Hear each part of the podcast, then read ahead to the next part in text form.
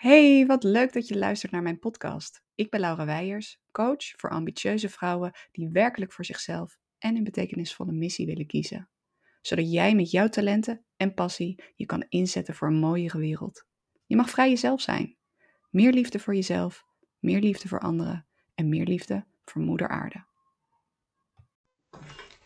Ik was iets van 20 jaar of 21 jaar en ik wilde graag een grote reis maken. En uh, ik had net een uh, bestuursjaar afgerond. Op dat moment studeerde ik sociologie aan de Universiteit van Amsterdam. En ik was penningmeester bij de studievereniging. Heel leuk uh, jaar gehad. Hele goede vrienden gemaakt, mooie herinneringen. Um, en ik had dus geld gekregen van de universiteit, omdat ik dus heel veel tijd aan de studievereniging had besteed. En daardoor ook minder studiepunten had kunnen behalen. Dus voor dat geld daar wilde ik graag een grote reis van maken. Maar ik wist dus niet precies hoe of wat. En ik sprak een, uh, een vriend van mij, een buitenlands vriend, en die vertelde dat hij naar China ging. En die zei, waarom ga je anders niet mee? Hij ging naar uh, Beijing en Shanghai. En hij ging naar een vriendin bezoeken. Dus ik dacht, nou, ik ga dat doen. Dus ik vertelde mijn ouders, nou, ik ga met die vriend twee weken naar China. Nou, superleuk Lau, ga dat lekker doen. Maar toen zat ik... Uh, boven bij mijn vader. Ik was even op bezoek. Ik woonde toen op kamers. En ik was even bij hem op bezoek. En ik zat boven achter de computer. Uh, wilde ik dat ticket gaan boeken. En ik zit daar en ik denk, ja maar wacht even. Ik wil een grote reis maken. Ik wil toch echt wel een maand weg zijn.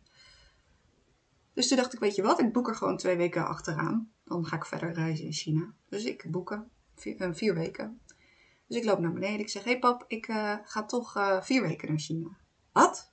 Oh, met wie ga je dat dan doen? zegt hij. Ik zeg, oh, alleen. Wat? Dus die was helemaal. Uh, nou, ik zeg, nou, pap, doe even normaal. Nu achteraf, uh, nu ik zelf kinderen heb, begrijp ik wel, begrijp ik wel zijn reactie. Um, dat je kind, je dochter, alleen in China gaat reizen. En volgens mij had ik dit. Ik had dit volgens mij twee maanden van tevoren geboekt. Dus het was ook niet. Uh, ja. Het zou heel snel eraan komen. Um, nou ja, ik dus naar China. Met een, een, eh, even kijken, wat was het? Een backpack van 8 kilo. En uh, nou, eerst met uh, twee weken met die vriend. En toen stonden we in Shanghai. Ja, en hij moest weer terug.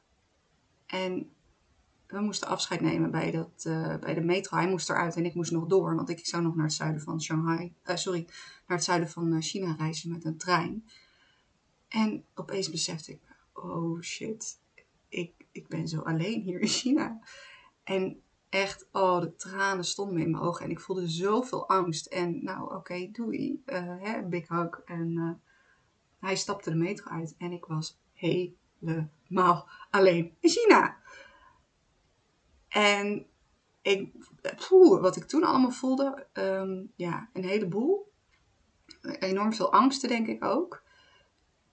En dat was even heel heftig. En toen dacht ik, oké, nu ben ik alleen. Nu ga ik dit zelf doen. Dus het was ook echt binnen een minuut, of twee misschien, dat ik die knop kon omzetten. Ik kon even helemaal die angst toelaten. Dat ik echt dacht van, oh, oh ik ga nu ieder moment dood of zo.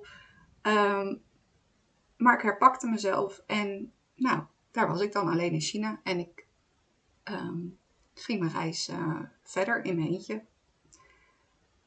En ik moet je eerlijk zeggen, het was fantastisch. Die, die eerste twee weken waren heel leuk.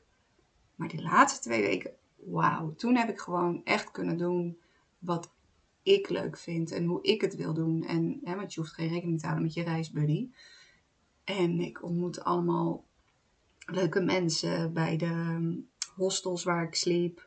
En nou, ik heb mooie avonturen meegemaakt. En Oh ja, ik moet nog denken aan een hele leuke avond waarin ik ook, uh, ja, s'avonds in de rivier gingen en ik nog een, een snee in mijn voet kreeg.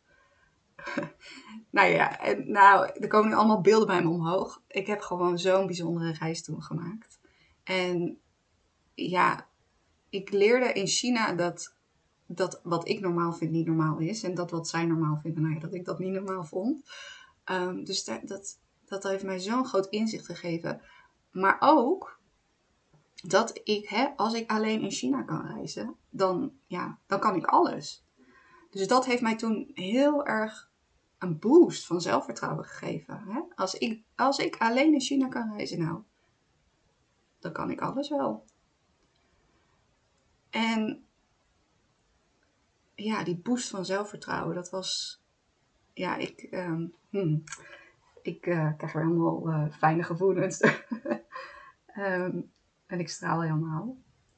Maar wat ik je hieruit mee wil geven is, je hebt je comfortzone. Hoe ziet jouw comfortzone eruit? Nou, daarna heb je de cirkel eromheen. Dat is je learning zone. Dan ga je dingen leren, maar je kan meer.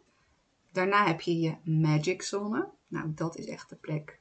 Daar, daar is het magisch, daar, daar floreer je. En dan heb je nog de laatste cirkel en dat is de panic zone. Nou ja, dan, nou ja, paniek, dat zegt al genoeg. Je gaat gewoon way too, echt veel te ver. En uh, ja, daar, daar, uh, daar uh, is het gewoon te grote stap eigenlijk. Nou zou je toch kunnen zeggen dat zo'n China-reis in je eentje als 20 of 21-jarig meisje misschien een paniczone zou zijn. Maar nee, dat was echt mijn magische zone. Dus moet je nagaan hoe, hoe, je jezelf, ja, hoeveel verder eigenlijk je uit je, uit je, sorry, uit je comfortzone kan gaan um, om in die magic zone te komen. Of tenminste, dat was het in mijn geval. Um, dus misschien zou je denken dat uh, eh, iets, iets kleiners al in mijn magic zone zou zitten en dat de China die panic zone zou zijn. Um, maar dat was het niet. Um, dus mijn vraag aan jou is: weet jij hoe je comfortzone eruit ziet? En wat zou dan je learning zone zijn? En wat zou dan die magic zone zijn? Hoe kan jij jezelf nog verder stretchen? Ik zeg niet dat je nu een reis in je eentje naar China moet maken. Dat zeg ik niet. Um, maar is er iets waarvan je denkt: oh, maar dat zou wellicht in mijn panic zone zitten. Maar misschien zit dat toch wel in je magic zone. Ik ben echt heel benieuwd wat dat voor jou zou kunnen zijn. Dus ja, wil je dit met me delen? Dat zou ik super leuk vinden. Je kan me een berichtje sturen om dat met mij te delen. Um, maar om even dicht bij huis te blijven. Kijk, je kan ook zeggen van mijn magic zone zit dat ik bijvoorbeeld dat moeilijke gesprek aanga. Waar ik, ja, waar ik zo uit mijn kracht ga als ik, als ik dat doe. Of um, uh, ergens nee tegen zeggen dat zou al iets kunnen zijn wat voor jou je magic zone kan zijn. Dus ja, weet, je hoeft niet naar China te gaan of naar de maan. Um, het kan al dichter bij huis zijn, maar stretch jezelf. Weet dat, dat, je, dat het, ja, het hoeft niet veilig te zijn. Um, ja, dus um, wat kan jij nog vandaag doen ook om uit je comfortzone te stappen? Misschien is dat wel gewoon mijn berichtje, mijn berichtje sturen en eh, met me te delen wat deze podcast met je heeft gedaan. Dat zou misschien iets kunnen zijn om uit je comfortzone te gaan. Uh, maar misschien, uh, weet ik veel, kan het ook iemand zijn die je heel graag wilt bellen, maar daartegen opziet. Of um, je baan opzeggen. Ik kreeg zo'n leuk berichtje van, uh, van een uh, luisteraar die de baan heeft opgezegd. Super spannend. Um, en een andere luisteraar die, uh, die uh, na een van mijn podcasts heeft besloten om uh, met pensioen te gaan ehm, en te stoppen. Dus nou, genoeg inspiratie hoop ik voor nu. Stuur me een berichtje als je weet ja, wat het zou kunnen zijn. En als je het nog niet weet, stuur me ook een berichtje. Want ik wil, ik wil graag even met je meedenken um, wat dat zou kunnen zijn om uit je comfortzone te komen. Dus je mag me altijd een DM sturen, LinkedIn of uh, Instagram, of stuur me gewoon een mailtje. laura.lauraweijers.nl uh, En ik denk echt heel graag met je mee.